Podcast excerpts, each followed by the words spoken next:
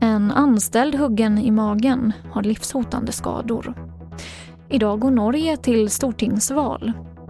Och stödet ökar för Magdalena Andersson som ny partiledare.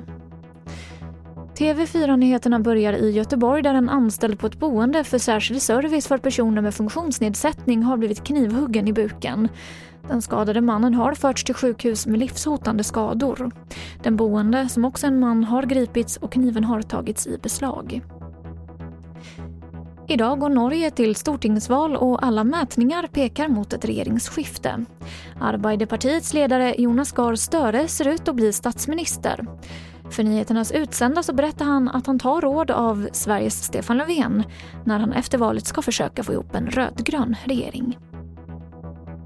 Och det är fler som får rösta i nästa val. 7,5 miljoner personer får rösta i riksdags-, region och kommunfullmäktigevalen enligt Statistiska centralbyrån.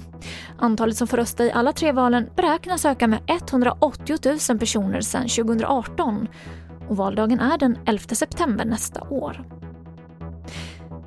Även Socialdemokraterna i Storgöteborg nominerar nu Magdalena Andersson som efterträdare till statsminister Stefan Löfven.